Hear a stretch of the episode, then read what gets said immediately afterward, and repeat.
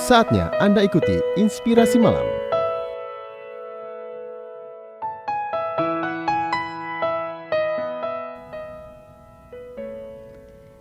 Pertama, kita membentuk kebiasaan dan kebiasaan akan membentuk kita. Kalahkan kebiasaan buruk Anda atau mereka akan mengalahkan Anda.